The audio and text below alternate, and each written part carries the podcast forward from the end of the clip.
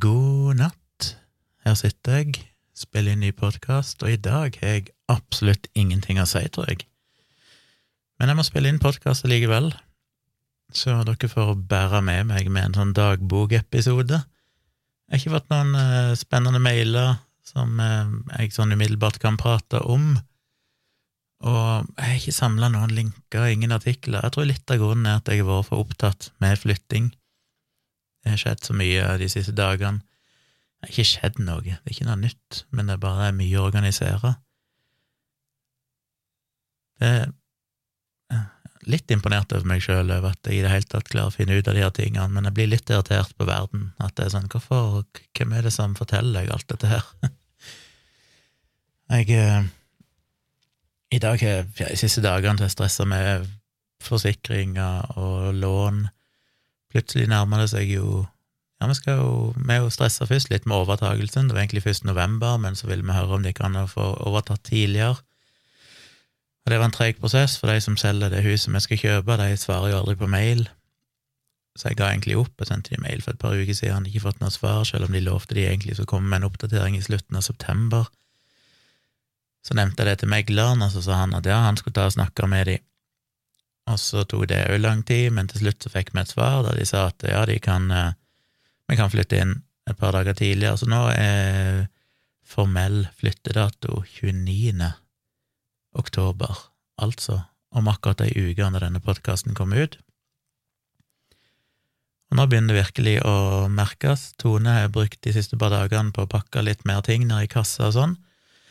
Jeg jobba mest med det administrative, blant annet dette lånet, der vi jo, som jeg vel nevnte i tidligere episode, når vi skulle få lån, så var det jo først med tanke på et mye dyrere hus, for vi tenkte jo først å kjøpe i Kristiansand, og måtte makse ut det vi hadde lov til å låne, og der følte vi den banken vi har, var veldig vanskelige, byråkratiske, tungvint, mens en annen lokalbank fra der jeg kom ifra, var mye kjappere og fleksible. De tok det bare på telefonen og liksom stolte på meg og sa ja, ja, det er ikke noe problem. og men eh, så trodde vi jo de skulle ha en del bedre renter og sånn, for det reklamerer de med. Så de eh, godkjente jo lånet og sendte meg opp med å kjøpe noe som var vesentlig billigere, for vi endte jo opp med å kjøpe i Vennesla heller enn i Kristiansand, for det ble for dyrt i Kristiansand. Og så skjer det jo ikke noe mer med lån, du får liksom bare, du må bare ha en garanti for at du kan legge inn det budet og, som du får tilslag på når du kjøper huset.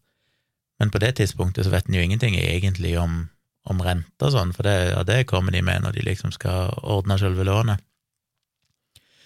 Så plutselig fikk jeg jo mail fra den banken at ja, nå gjorde de klar lånepapirer som jeg måtte bare inn og signere og sånn. Og så tenkte jeg at jeg må jo sjekke med den banken vi allerede har. Og så sendte jo de et tilbud som var akkurat Egentlig var det jo bedre. Så tok jeg kontakt med den andre banken igjen og sa at du, vi har fått et bedre tilbud her, hvorfor har dere høyere rente og sånn? Så fikk vi et svar fra dem. De sa å ja, de hadde gjort en feil, og, og vi skulle få den eh, ja, basically samme rente. Men da er det sånn at du sitter med to banker som har basically akkurat samme tilbudet, men så er vi jo allerede kunder i den ene banken med alle kontoer der, med alle bankkort der, og da er det sånn, da er det jo, pluss at den banken vi har, er jo en mye bedre nettbank, mye bedre mobilapp, som er mye mer avansert og smooth. Og da er det sånn, da er det jo ikke noe grunn til å bytte, da, men så får jo jeg så vondt i meg når jeg liksom har tatt den prosessen så langt med den ene banken, at jeg bare Det er sånn, åh, det er jo, det er som å slå opp. Det er jo, jeg hater jo det når jeg liksom har en prosess på gang, og så plutselig må du trekke deg og si du, sorry, vi, vi velger å gå for en annen bank allikevel. Og det er jo bare smertefullt. Men jeg følte jo at det var det eneste, det var det beste vi kunne gjøre, for det var ingen argumenter for å gå for den andre banken når de endte opp med å ikke være noe billigere og ville medført ekstremt mye mer arbeid og hadde dårligere mobilapp og, og mobil- og web-nettbank. Så jeg måtte gjøre det til slutt, sende mail og si beklager, men vi har valgt å, å bli den banken vi allerede var. Som er vondt, men det er jo bare å gjøre det. Det er bare å skrive mailen og Og jeg skriver selvfølgelig mail, for hun prøvde jo å ringe meg fra banken, men da tok jeg ikke telefonen, for jeg makter ikke ta det på telefonen. Så jeg bare tok ikke telefonen, og så Men ja, det var så ikke helt uten grunn til at jeg ikke tok telefonen, for det var ikke helt i boks ennå, vi hadde ikke liksom fengt de endelige dokumentene, så jeg ville liksom vite helt sikkert at det ble sånn. Men så noen timer seinere, når jeg var helt sikker, så sendte jeg bare mail og tok det skriftlig. Det er alltid mest komfortabelt. Og så er det dette med forsikringer, som jo bare plutselig gikk opp for meg eh, i forbindelse med at jeg skulle sjekke noe livsforsikring, som skal liksom sikre Tone hvis jeg skulle krepere, så må hun få utbetalt penger så hun kan beholde boligen. Og så skulle jeg eh, sjekke litt den, for den kan vi egentlig skru ned litt, siden det er en billigere bolig, mindre lån nå enn det det var før. Og så jeg blir jeg blir så forvirra, det er så mye. Vi kjøpte jo bil, ikke sant, så har vi jo forsikring der, pluss et par andre forsikringer i, hos eh, et forsikringsselskap, men så har vi lånet på bilen i en annen bank, men boliglånet i den banken jeg nettopp snakket om, og så er det egentlig snakk om at vi kanskje burde ha hundeforsikringen i en annen forsikringsselskap som spesialiserer seg mer på dyreforsikringer eller hundeforsikringer, for det er kanskje bedre vilkår. Jeg, jeg hater det, å ha ting spredd utover alt. Jeg mister jo helt kontrollen på hva som er hva. Spesielt når jeg i tillegg er firma der vi òg har forsikringer og sånn. Altså, hva er jeg egentlig dekka for i firma? Der har jeg sånn og sånn forsikringer. Ender jeg opp med å kjøpe noe dobbelt opp nå? Og så plutselig slo det meg at shit, hele tiden jeg har bodd i Oslo, så har jeg jo bare hatt innboforsikring, fordi selve boligene har jo vært borettslag og blokker, og selve bygningen er jo forsikra av borettslaget. Men nå må jeg jo ha husforsikring òg. Og så begynte jeg å notere, shit, må jeg jo ha Er vel egentlig anbefalt at jeg burde jo egentlig ha, det høres fornuftig ut, en sånn forsikring mot kritisk sykdom, som jo er basically like viktig som en livsforsikring, for hvis jeg skulle plutselig få et hjerteinfarkt eller uh, miste et bein eller bli blind eller få kreft eller et eller annet sånt, så forsvinner jo størstedelen av inntektene i denne husholdningen, ettersom Tone ikke kommer til å ha jobb når vi flytter til Kristiansand med det første, iallfall. Hun får jo lønnet si fra Nav. Så da jo, må jeg jo sikre at hun får penger hvis noe skulle skje. Iallfall at vi klarer oss hvis jeg skulle plutselig ikke kunne tjene penger lenger. Så der måtte jeg jo fikse noe, så plutselig ble det jo et lass med forsikringer, så jeg tok jo bare telefonen til forsikringsselskapet, og så tok jeg hele praten og fikk gått gjennom alle forsikringene, og det var stolt av meg sjøl, det var jo det at jeg har nevnt det før, siden vi kjøpte bil, så måtte jeg ha bilforsikring, og siden det er mer enn tre år siden jeg har hatt bil, så starta jeg jo på den laveste bonusen på 40% hos dette forsikringsselskapet, og da blir det ganske dyr forsikring, men jeg var faktisk frekk nok, eller modig nok, alt etter som. Når jeg hadde henne på telefonen, så sa jeg bare det. Du, jeg syns denne bilforsikringa er veldig dyr. Uh, og det Ja, jeg syns det er litt uh, Jeg brukte ikke ordet urettferdig, men jeg sa et eller annet om at det er litt dumt, for jeg har jo hatt bil i basically ja, i mange, mange år. Jeg har hatt lappen i 20 år, fram til jeg flytta til Oslo. Men så er det bare de ti siste årene jeg ikke har hatt bil. Men det er jo ikke som at det er den første bilen jeg kjøper, eller noen ting sånn. Og så sa hun det at ja, men husk å ta altså skru opp bonusen til 60 det gikk fint. Og der sparte jeg jo en tusenlapp med en gang i måneden, bare på å skru opp bonusen fra 40 til 60 Så da var jeg godt fornøyd med meg sjøl. Så den tusenlappen jeg sparte der, den gikk jo basically til å dekke både kritisk sykdom og livsforsikring og alt mulig rart, så så jeg fikk noe plass det til slutt, men det er jo et helsike. Og forsikringer er jo så dritt, for det er sånn, du får jo lyst til å ha alle forsikringer sånn just in case, og du tenker jo alltid ja, hvis det skjer, så kommer jeg til å angre og så på at jeg ikke hadde den forsikringen. Men de koster penger, og man må liksom prøve å balansere hva det som er egentlig er kritisk. Det som er kritisk, er jo at, at eh, Tone er sikra hvis jeg enten blir arbeidsufør eller dauer. Og så har jeg jo allerede en annen livsforsikring gjennom jobben, der utbetalinga går til dattera mi, så da er begge de sikra. Da får dattera mi penger, og så får Tone penger. Uh, og så er det jo de tingene du må ha, sånn som bilforsikring og innbo- og husforsikring og sånn. Men det finnes jo et tonn med forsikringer du kan ha. Så det er vanskelig. Men det var bare så deilig i dag å få gjort alt det. Men sånt tar altså så lang tid. Det er så mye jeg må drive og researche og sammenligne og se og finne ut priser og sånn, og så må jeg til slutt bare ta den telefonen, og så tar det lang tid. Og så må vi jo fylle ut helseattest for å få godkjent disse forsikringene, og bla, bla, bla. Så det er altså sånn, jeg er helt utmatta. Enda verre er det jo med dette flyttebyrået, for vi må jo bestille flyttebyrå nå. Og det er vi jo lovlig seint ute med, fordi vi har jo ikke helt visst sikkert hvilken dato vi skal flytte på. Men det fikk vi jo da endelig avklart nå, i går, vel, eller var det i dag? Eh, så da måtte jeg jo ta runden det er jo så mange flyttebyrå, og det er så mange Noen er liksom virker seriøse, de holder på i 20 år, bla, bla, bla, har nettside og sånn. Masse raving reviews. Og så er det jo andre som er sånn, de sender mail sånn 'Ja, denne jobben kan vi ta. 5000 kroner. Bare si når vi skal komme.' som virker som liksom to uh, ungdommer omtrent som bare gjør det som hobby. Og så er det å finne den balansen da mellom ja, men det er jo attraktivt selvfølgelig at de er så billige, og så har de kanskje noen gode reviews òg, men så virker det shady når det er så altfor billig, og de liksom ikke har noen nettside, og de bare sender en mail uten noen informasjon, så tenker jeg ja, det, det blir for shady. Og så har du de som er solide, men som er veldig dyre, og så er det de midt på treet. Og det er vanskelig å vite, for jeg vil jo jeg vil jo at de som gjør jobben, skal få skikkelig betalt, men samtidig så er jeg jo ikke interessert i å gå for den dyreste bare fordi at jeg liksom ja, skal sikre at de ansatte får godt betalt, for jeg regner med at da går mye av fortjenesten til firmaet, og det kan være grunner til at noen kan gjøre det mye billigere enn andre, som ikke nødvendigvis handler noe om rettferdighet eller kvalitet å gjøre. Så jeg snakket med flere, ringte rundt og snakket med forskjellige og fikk forskjellige tilbud, og noen kunne ikke den dagen, og andre kunne. Og så er det å ta et valg, da. Og så var det et firma som virka veldig seriøst, som sa de hadde drevet på med dette i 20 år og hadde nettside og alt mulig. Men de var egentlig mistenkelig billige, men de var sånn midt på treet. Og så begynner jeg å regne på det, så er det sånn ok, denne jobben vil jo ta deg så og så mange timer, og de er to mann, og de skal kjøre langt, og de skal stille med biler. Hva i all verden kan de sitte igjen med i, i timelønn, da? Så det er vanskelig å finne ut. Jeg gikk nå til slutt ved et firma og sendte mail til dem. Jeg har ikke fått bekrefta den, så jeg håper de bekrefter det i morgen tidlig. Hvis ikke, så må jeg sende mail til flere. Og så er det jo dette med flytting, med å finne ut hvorfor et volum skal du flytte, hvor mange kubikk? Og det er jo virkelig et helsike. Så meg og Tone satt jo her og tenkte gjennom alle rommene og boden, og hvor mange kasser blir det med kjøkkenting, med klær, med sko med teknisk utstyr som jeg er her, hvor mange stoler er med, bord, speil, bilder, kommoder, TV-benk, TV, eh, alt mulig rart. Å sitte og skrive opp det ei liste lang som et vondt år. Og så kan du plotte det inn på sånn volumkalkulator som noen av disse flyttebyråene har på nettet. Men de volumkalkulatorene blir jo så røffelige, for liksom, hva er, hva er størrelsen på en stol?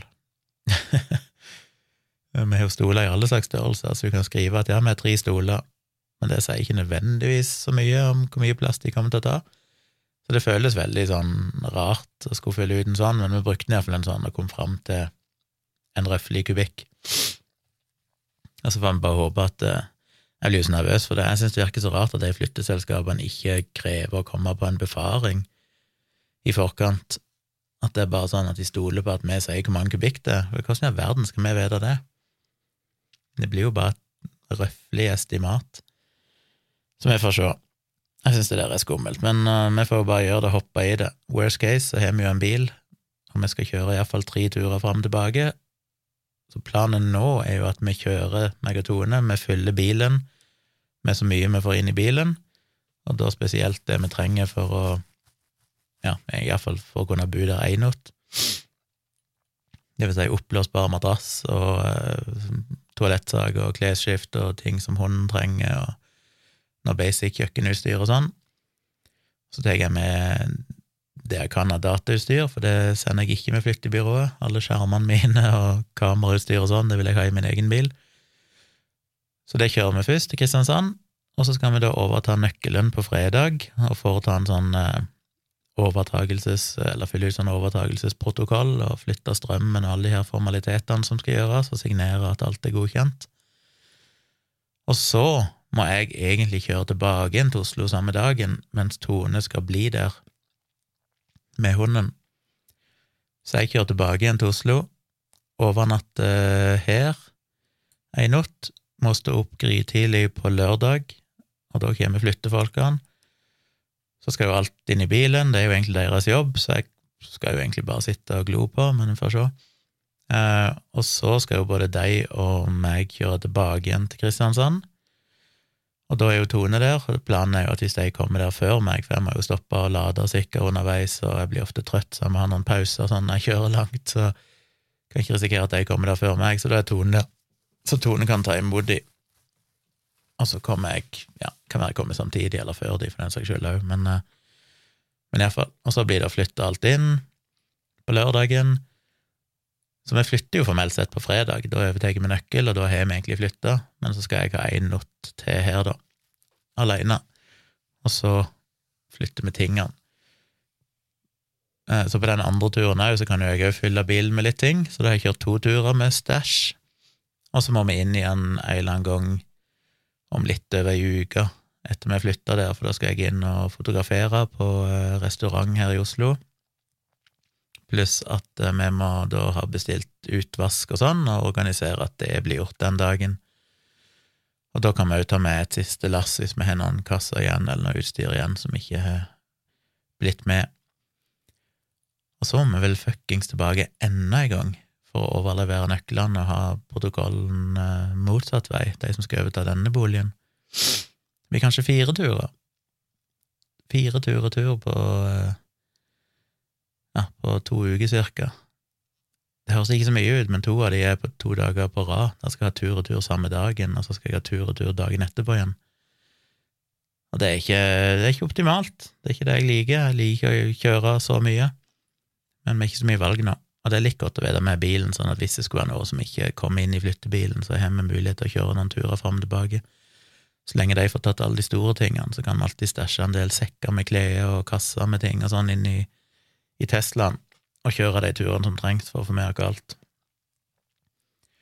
Men det har tatt tid, altså. Det høres så lite ut. Når jeg tenker på det sjøl, så skjønner jeg ikke at det tar så mye tid, men det tar altså så mye tid, og jeg blir så sliten i skallen, for det er så mange ting å sjonglere det var lån og forsikringer og flyttebyråer, og så driver vi og pakker, og så driver vi og planlegger hele tida hvordan vi egentlig skal gjøre dette, og så må vi forhandle med de som solgte huset sitt om overtakelsesdato, og så er det snakka med, med megleren der, og så er det snakka med banken her. Åh, Fylt ut så mye skjema, signert på så sinnssykt mange dokumenter. Mye mer stress denne gangen enn det var når vi kjøpte denne boligen her oppe på Haugenstua. Da syns jeg bare det var Det kan jeg ikke huske var noe problem, da gikk jo alt av seg sjøl. Men uh, det var ikke noe sånn massiv flytting, heldigvis. Det var ikke noen møbler sånn som skulle flyttes den gang. Ikke noen store møbler. Så ja, det begynner å komme i boks. Jeg føler vel nå det eneste jeg mangler nå, det er bestilt flyttevask. Så jeg skal se om jeg kan få gjort det i morgen. Men uh, det føles godt å ha de forsikringene på plass. Jeg føler meg litt voksen jeg har fått fiksa alt det. Det må jeg jo si. Ellers har jeg sittet i kveld og redigert bilder fra Brasseri Hansken, som jeg tok for ei uke siden. Dere hører meg klage over det alltid, men jeg syns alltid det er like vanskelig. Eh, jeg håper det blir lettere etter hvert som jeg begynner å ta bilder litt mer ofte. Nå har det gått litt lang tid mellom hver gang, men nå har jo de to kundene, så nå blir det iallfall månedlig. Og så håper jeg jo da å få, eh, få flere kunder, sånn at jeg kan gjøre det enda oftere. Og da håper jeg å få litt mer rutine på det. Altså, jeg er jo litt stressa fordi at på søndag så skal jeg jo ha foredrag i Larvik, som jeg har nevnt. Hvis dere er i Larvik, kom på foredrag. Eh, det er gratis inngang klokka fem. Jeg sa det sist hvor det var hen, husker ikke hvor det er lenger, men det finner dere ut Så dere bare googler foredrag Larvik eh. Så hvis dere er i Larviksområdet eller i nærheten og har lyst til å komme på det på søndag den 24. oktober klokka fem på et eller annet kafé eller et eller annet der, jeg husker ikke helt hvor det var, så må dere gjerne gjøre det. Da skal jeg ha foredrag om å tenke kritisk. Hvorfor du skal være ekspert Nei, kritisk skeptisk, kritisk til både eksperter, til medier, til sosiale medier, til statistikk, til forskning, til din egen hjerne og dine egne sanser og alt dette her. Så skal jeg selge bøker og sånn på slutten, og signere bøker hvis noen har lyst til å kjøpe det. Og ikke minst så kan dere jo komme og si hei, om ikke annet. Det er jo alltid hyggelig. Eh, så det må jeg gjøre, og det må jeg jo forberede. Men så, sier han at jeg er i Larvik på søndag, så får vi ikke spilt inn virkelig grusomt da, så det må vi gjøre dagen før, på lørdag. Og sier han vi ikke har utstyret klart i Vennesland neste søndag, så må jeg spille inn to episoder nå på lørdag. Så på lørdag så må jeg spille inn, meg og Tone spille inn to episoder virkelig grusomt. Så må jeg forberede foredraget, kjøre til Larvik på søndag, holde foredrag, tilbake igjen. Og så ei uke etter det igjen, cirka, så skal jeg holde et virtuelt foredrag for en, eh, en skole borte ja, hva er den ligger borte på Vestlandet en plass, tror jeg, men det kunne jeg gjøre via internett, som jeg vel har nevnt tidligere. Og der skal jeg jo både holde vel egentlig samme foredraget, bare via nett. Ja, det blir jo interessant, det må jeg jo finne en løsning på. Jeg har jo så vidt gjort det før, for jeg gjorde det inne på patronen min her for et års tid siden. Uh, og så må jeg òg forberede en workshop, for jeg skal både ha foredrag, og så skal jeg ha en workshop for lærerne på den skolen over nett. Og det vet jeg ikke helt hvordan jeg gjør, så jeg måtte sende en mail til han som booka meg i dag, og bare sa kan du si litt mer om hva dere egentlig forventer av en workshop? Det har jeg aldri gjort før, men jeg finner vel ut av det. Og så skal det være et eller annet eh, på slutten der som jeg husker å være med på. Um, så det må jeg få gjort oppi alt dette flyttinga, så må jeg både forberede det, og så må jeg være sikker på at jeg har fått rigga opp nok utstyr til at jeg kan gjennomføre det ifra den nye boligen i Vennesla. Så da må jeg ha fått opp internett og kamera og, og lys og datamaskin og alt mulig sånn. Og når vi kommer til Kristiansand, så må vi jo kjøpe oss eh, seng. Vi har ei dobbeltseng vi har tenkt å selge. Hvis ikke vi får solgt den, så drar man med oss hvis det er plass i flyttebilen. Men vi hadde egentlig tenkt å selge den, og lagt den ut på finn.no, men det virker ikke så lett. Det er jo ei glitrende god, fin eh, seng eh, som vi kjøpte for to år siden, når vi flyttet inn her, men som muligens er akkurat litt for stor til det soverommet i Vennesla, for det er litt mindre enn det vi er her, eller ganske mye mindre. Så vi tenkte kanskje vi skulle kjøpe en ny seng der. Så det er litt sånn risky nå, vi må få solgt den sengen. Så jeg håper vi får et tilslag på den før vi reiser. Um, ja, så vi skal kjøpe en ny seng, så det må vi få gjort når vi kommer der. Vi må kjøpe en sovesofa som kan gjøres om til seng, som heter Gjester. Og så, ja, resten har vi vel egentlig. Men shit, det er ei uke til vi flytter. Jeg gleder meg, det må jeg si. Det blir virkelig å starte en ny tilværelse. Det er jo jeg bodde i Oslo i uh, veldig nærme ja, to måneder ifra å ha bodd her i tolv år, og jeg har bodd uh, fire plasser totalt her i Oslo, men det er liksom vært litt samme greia, det har vært leiligheter. Så det har ikke vært noen sånn stor omveltning. Mens det å flytte til Vennesla, både det å flytte så langt geografisk til et så mye mindre sted uh, Det blir en ny rutine i forhold til dattera mi, plutselig så får jeg jo en helt annen hverdag sammen med henne enn det jeg var vant med, og det hun var vant med. Og så eh, blir det jo Ja, det å bo i det huset blir jo òg veldig nytt. Det å plutselig ha mer plass og skulle rigge opp alt utstyr og studio og sånn på nytt. og det er ganske mye arbeid som må gjøres. Jeg skal ha opp mine akustiske paneler på veggene og planlegge hvordan jeg skal få til alt. Så må jeg få inn en elektriker òg på et eller annet tidspunkt til å montere kabler. Jeg må ha, vil helst ha kabla nettverk, iallfall til hver etasje, så jeg kan ha en eh, Muligens ikke oppe, for der bruker vi bare trådløst. Eh, øverste etasjen, der stue og kjøkkenet. Men i midterste etasjen så skal Tone ha kontor, og hun burde ha et kabla nett. For det er dumt å drive og Det er så mye treigere. Vi skal jo ha en gigabit fiber, og det er dumt å ha en gigabit fiber, og så er du begrensa av en uh, wifi som er mye treigere enn det, når du driver og laster opp store filer til YouTube og livestream og alt mulig sånn. Så det vi får på plass. Det er jo en en ting. Men ja, det er mye som står på.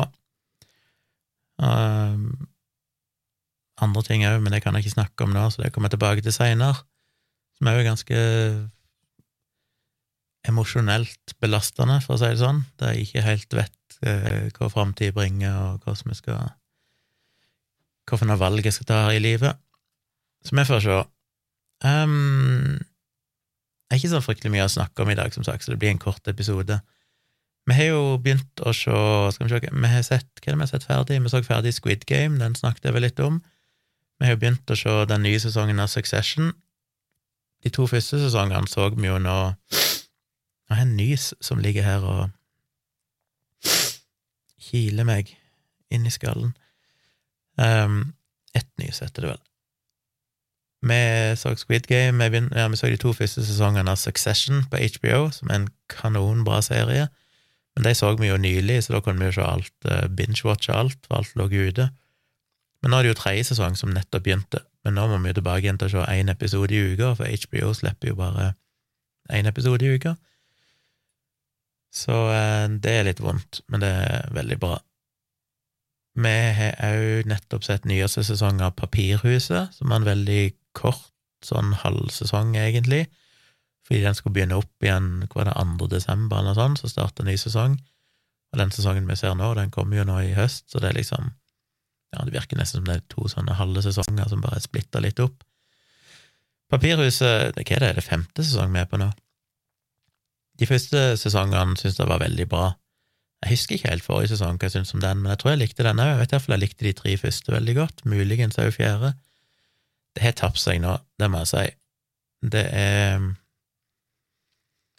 Etter hvert som flere og flere hovedpersoner blir drept, så blir det mer og mer flashbacks fordi de skuespillerne tydeligvis skal være med ennå, men de kan ikke være med i nåtid, for de lever jo ikke lenger. Så det er veldig mye sånn tilbakeblikk i tid, og du blir litt sånn usikker på hvorfor en betydning har dette, kommer det til å ha en relevans seinere, eller er det bare en, en, backstory de viser for å kunne lønne disse skuespillerne? uh, jeg vet ikke. Og så er, det, så er det jo irriterende med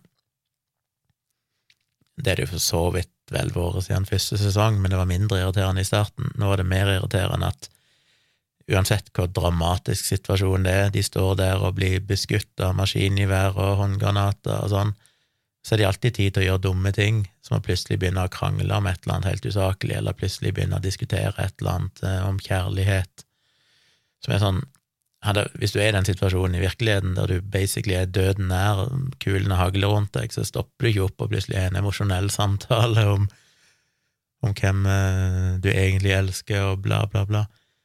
Det er bare irriterende. Plutselig ble jeg jo irritert på at Ja, og sånn er det for så vidt vært fra første sesong, men det at mye av plottet tidvis er drevet fram av at spesielt mennene er litt sånn uh, bavianer. Altså, de har ingen emosjonell kontroll. De, de klikker sånn, noen bare kødder litt med dem at de er dårlige i seng, eller at de har flørta med dama deres, eller et eller annet sånt, og så bare klikker de helt. Er, sånn, er, er, det mennesker som er sånn? Du må jo i en sånn situasjon skjønne at denne personen gjør dette for at du skal klikke, for å ter terge deg, for at du skal miste kontrollen, og så bare svelger du det agnet hver eneste gang.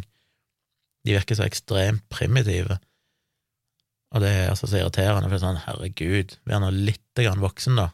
Du klarer vel å høre noen snakke sånn til deg når du vet det er en fiende, og hele målet deres selvfølgelig er at du skal reagere på den måten. Sånne ting irriterer meg litt. Men ellers er jeg jo fortsatt spent på hvordan det kommer til å gå, hvordan de eventuelt, om det løser seg, hvordan det løser seg. For det jo vært noe av det spennende i alle sesongene, at det er alltid en sånn en smart løsning, det er lure ideer, ting du ikke forventer som plutselig skjer. Så jeg må se videre på det. Og så har vi begynt å se på den eh, mye omtalte serien på Netflix som heter Made. Og den har jeg eh, blanda følelser rundt. Da Squid Game var veldig på sitt mest populære her for et par uker siden, kanskje, så, så var det jo en del artikler som jeg leste som gikk på dette her med at ja, Squid Game er, er voldelig og brutal og bla, bla, bla, men Made er mye verre, for der den er så virkelig, der er det liksom virkelighetens grusomheter. Og Made handler jo, uten å spoile noen ting, kort sagt, om ei, ei dame som har en unge, liten unge på nesten tre år, og serien starter jo egentlig med at hun stikker fra ektemannen sin, da, som tydeligvis sliter litt med alkoholproblemer og er voldelig. Og så er det å klare seg da som alenemor med et barn når du ikke har noe hus, ikke noe tak over hodet, nesten ingen penger, hvordan byråkratiet gjør det nesten umulig å, å overleve og få hjelp eh, og sånn. Og det er forferdelig vondt å se på, og en familie som er helt håpløs. Jeg leste nettopp faktisk at hun som spiller mora hennes, Andy McDowell, det er faktisk mora til hun skuespilleren i virkeligheten, så det er jo faktisk dattera til Andy McDowell som spiller hovedpersonen. Det var litt gøy. Det visste jeg ikke. Men øh, Men det er jo det er dritvondt å se på, og jeg sympatiserer jo ekstremt med den situasjonen, og du blir så frustrert av å se hvor vanskelig det er, og hvor mye urettferdighet det er, og hvor håpløse personer hun omgir seg med, og hvor urettferdig det er med henne. Og samtidig så er det sånn, ja, men dette har vi jo sett tusen ganger før. Det er vondt å se, men dette er jo ikke noe banebrytende, dette er jo ikke noe ny informasjon. Eh, jeg skjønner ikke hvorfor denne serien får så mye oppmerksomhet. Eh, bra skuespill, bra manus, jeg synes det er en engasjerende serie, jeg liker å se på det, for all del, men jeg skjønner ikke at det skal bli fremstilt som at dette er liksom Jeg tror du må være ganske bedøva for hvordan virkeligheten er hvis du føler at du ser den serien og tenker at oi, shit, er det noen mennesker som har det sånn? Dette vet vi jo, hvis du følger litt med og har litt empati, så kjenner du sannsynligvis folk, jeg gjør iallfall det, jeg, jeg kjenner flere som jeg har møtt gjennom livet, som har vært i ikke akkurat samme situasjon, men i deler tilsvarende frustrasjon med voldelige partnere som skal ha omsorgsretten for barnet, og går til sak, og så vinner de. altså Når de får omsorgsretten, så er de ikke interessert i å ha ungen i virkeligheten, og, og liksom det er bare så urettferdig, hele greia. Og hvor vanskelig det er å få hjelp når du allerede er fattig, for eksempel, hvor mange sånn catch 22 det er. Eh, alle de der tingene vet jeg, de eksisterer til dels i Norge òg, så jeg skjønner ikke helt hvor, hvor virkelighetsfjern du må være for at denne serien skal liksom opplyse deg på noe vis. Nå har jeg jo ikke sett ferdig alt ennå, vi har vel sett uh, hva er det, fire episoder, fire eller fem. Uh, så det kan jo være det skjer helt dramatiske, uh, oppsiktsvekkende ting etter hvert. Men det andre som irriterer meg, er jo hvor mye av problemene som er drevet av hennes egen dumhet. Jeg mener, Jesus Christ, hva skal han gjøre så mye Altså, en del av dumheten kan forsvares, fordi shit, hun er i en ekstremt stressa situasjon, det er ekstremt vanskelig, alle ville ha gjort dumme ting, og tatt dårlige valg, det er det ingen tvil om, det skjønner jeg veldig godt. Men det er noen av tingene som bare er sånn Men ærlig talt, liksom, er du ikke voksen, skjønner du ikke at dette her er konsekvenser? Dette er jo noe du bare gjør sånn, ja, Jeg kan ikke spoile noe, men det er ting hun gjør som ikke handler om liksom, overlevelse, men som mer handler bare om barnslighet. Så det, det er litt vondt å sympatisere for mye med hovedpersonen òg, for at hun gjør jo ting som er så idiotisk at det er sånn, dette, dette fortjente du jo, når du gjør noe så dumt. Så det har vært litt sånn blanda følelse å se den serien. Men jeg håper jo at det skjer noe spennende etter hvert. Det er jo en miniserie, jeg har ikke helt fått med meg hvor mange episoder det faktisk er. Men jeg håper jo at det kommer noe som gjør at jeg tenker sånn oi, shit, dette var Dette var overraskende. Vi får se. Jeg skal komme med en vurdering når jeg har sett ferdig alt. Ellers har jeg tatt eh, influensavaksinen i dag. Etter å ha hatt eh, VI-prat med Ingeborg Senneset i går inne på Kritiske tenkere. Der snakket vi om influensere, så fikk jeg jo lyst til å ta en influ influensavaksine, fordi en blir jo frustrert etter at Ingeborg var med i en time cirka, og så måtte hun stikke, men så prata vi videre i en halvtime etterpå. Og det er jo en deprimerende prat å ha, dette her med hvordan skal du regulere desinformasjon, og for så vidt reklame og, og medier som skriver ting som helt åpenbart er feil. Altså, hvor er hvor, hvor langt skal en snakke om pressefrihet og ytringsfrihet, eh, og lovlighet innenfor markedsføring for ting som helt åpenbart bare er løgn, og hvordan kan du regulere det? For teknisk sett så er det mye av det som ikke er lovlig, men du klarer ikke å begrense det, fordi det er jo ikke kapasitet til å klare å følge opp alt dette her. Og kanskje vi bare lever med at ja, ja, ok, hvis de reklamerer med at uh, sjampoen din inneholder partikler som trenger inn i håret og ned i hårrøttene og revitaliserer, bla, bla, bla, så, så er jo det bare bullshit. Men de er jo tydeligvis slipper unna med å si det gang på gang, for det er ingen tenker vel ja, det er ikke så alvorlig.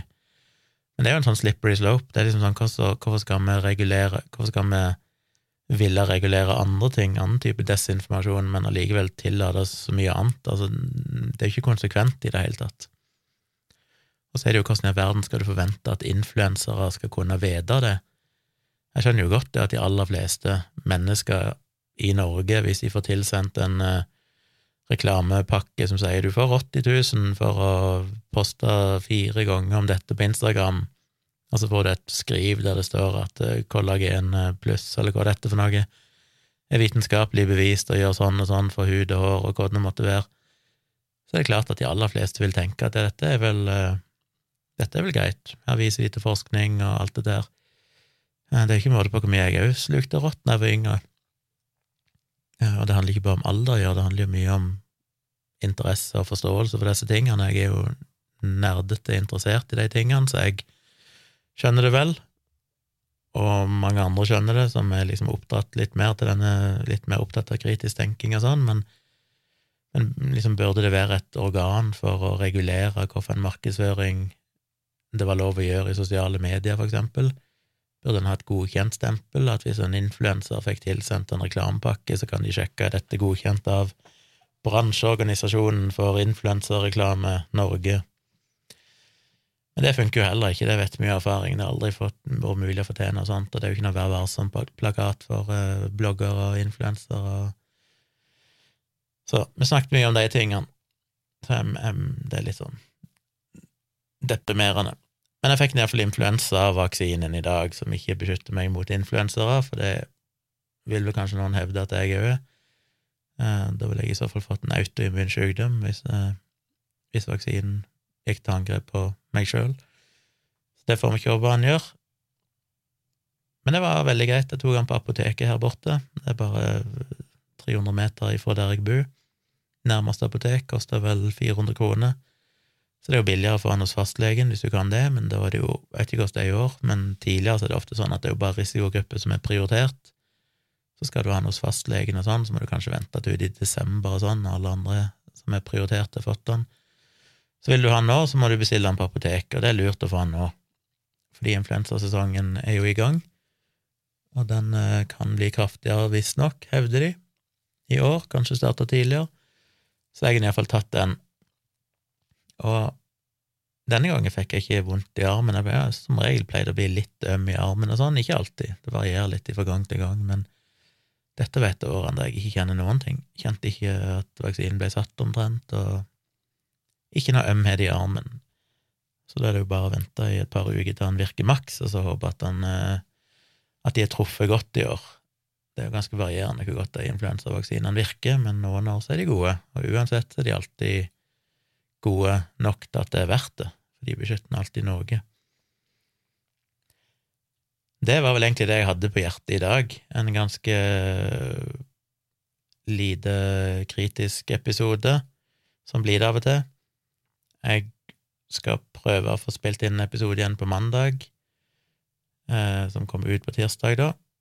Men uka, den som skal komme neste fredag, den kommer nok ikke, for da er jeg jo midt i flytting og kanskje ikke uka etter heller, hvis ikke klarer å trikse til et eller annet. Så det kan være det blir et uh, lite opphold på ei ukes tid med podkast og livestreams og alt det som hører med, fordi jeg har ikke utstyret på plass, og jeg er midt oppe i flytting, så det får dere, får dere overleve. Men dere er fortsatt velkommen til å sende meg mail på tompratpodkast.gmail.com. Send meg gjerne tips til ting å snakke om, så jeg har noe enkelt å ta tak i når jeg skal spille inn i full fart, eh, så fort jeg får muligheten til det spørsmål, um, ting og tang. Det, jeg får jo mye som er sånn Les denne artikkelen, eller kom inn om dette, og så er det kritisk tenking. Det setter jeg veldig pris på. Men dere er interessert i mer sånne dagligdagse ting òg, hva mener jeg om et eller annet, hva er min erfaring i livet med eksistensielle ting, holdt jeg på å si? Uh, alt ifra kjærlighet til relasjoner til hvordan jeg eh, gjør ting i hverdagen, til seksualitet, til alt det. Jeg syns det alltid er gøy å snakke om sånne ting som er litt mer personlige. Og dere kan selvfølgelig være anonyme hvis dere ber om det, når dere sender mailen, så det er ikke noe farlig. Så det må dere gjerne gjøre. Jeg vil gjerne ha flere sånne spørsmål, der jeg kan rante litt om litt mer filosofisk og kanskje personlige ting, og ikke bare snakke om covid-vaksine og, og, direkte om sånn kritisk tenking og, og vitenskap, alltid. Så gjør gjerne det. Ja, jeg tror det er alt for meg, en kort episode. Vi høres igjen forhåpentligvis over helga. og så i mellomtida så ønsker dere en fortreffelig helg, og så kanskje jeg ser en og annen av dere i Larvik, det hadde jo vært veldig kult, på søndag. Um, hvis ikke, så, um, så gjør jeg ikke det. Da får vi heller satse på å se oss på en livestream. Men takk for at du hørte på denne episoden òg. Så snakkes vi igjen ganske snart.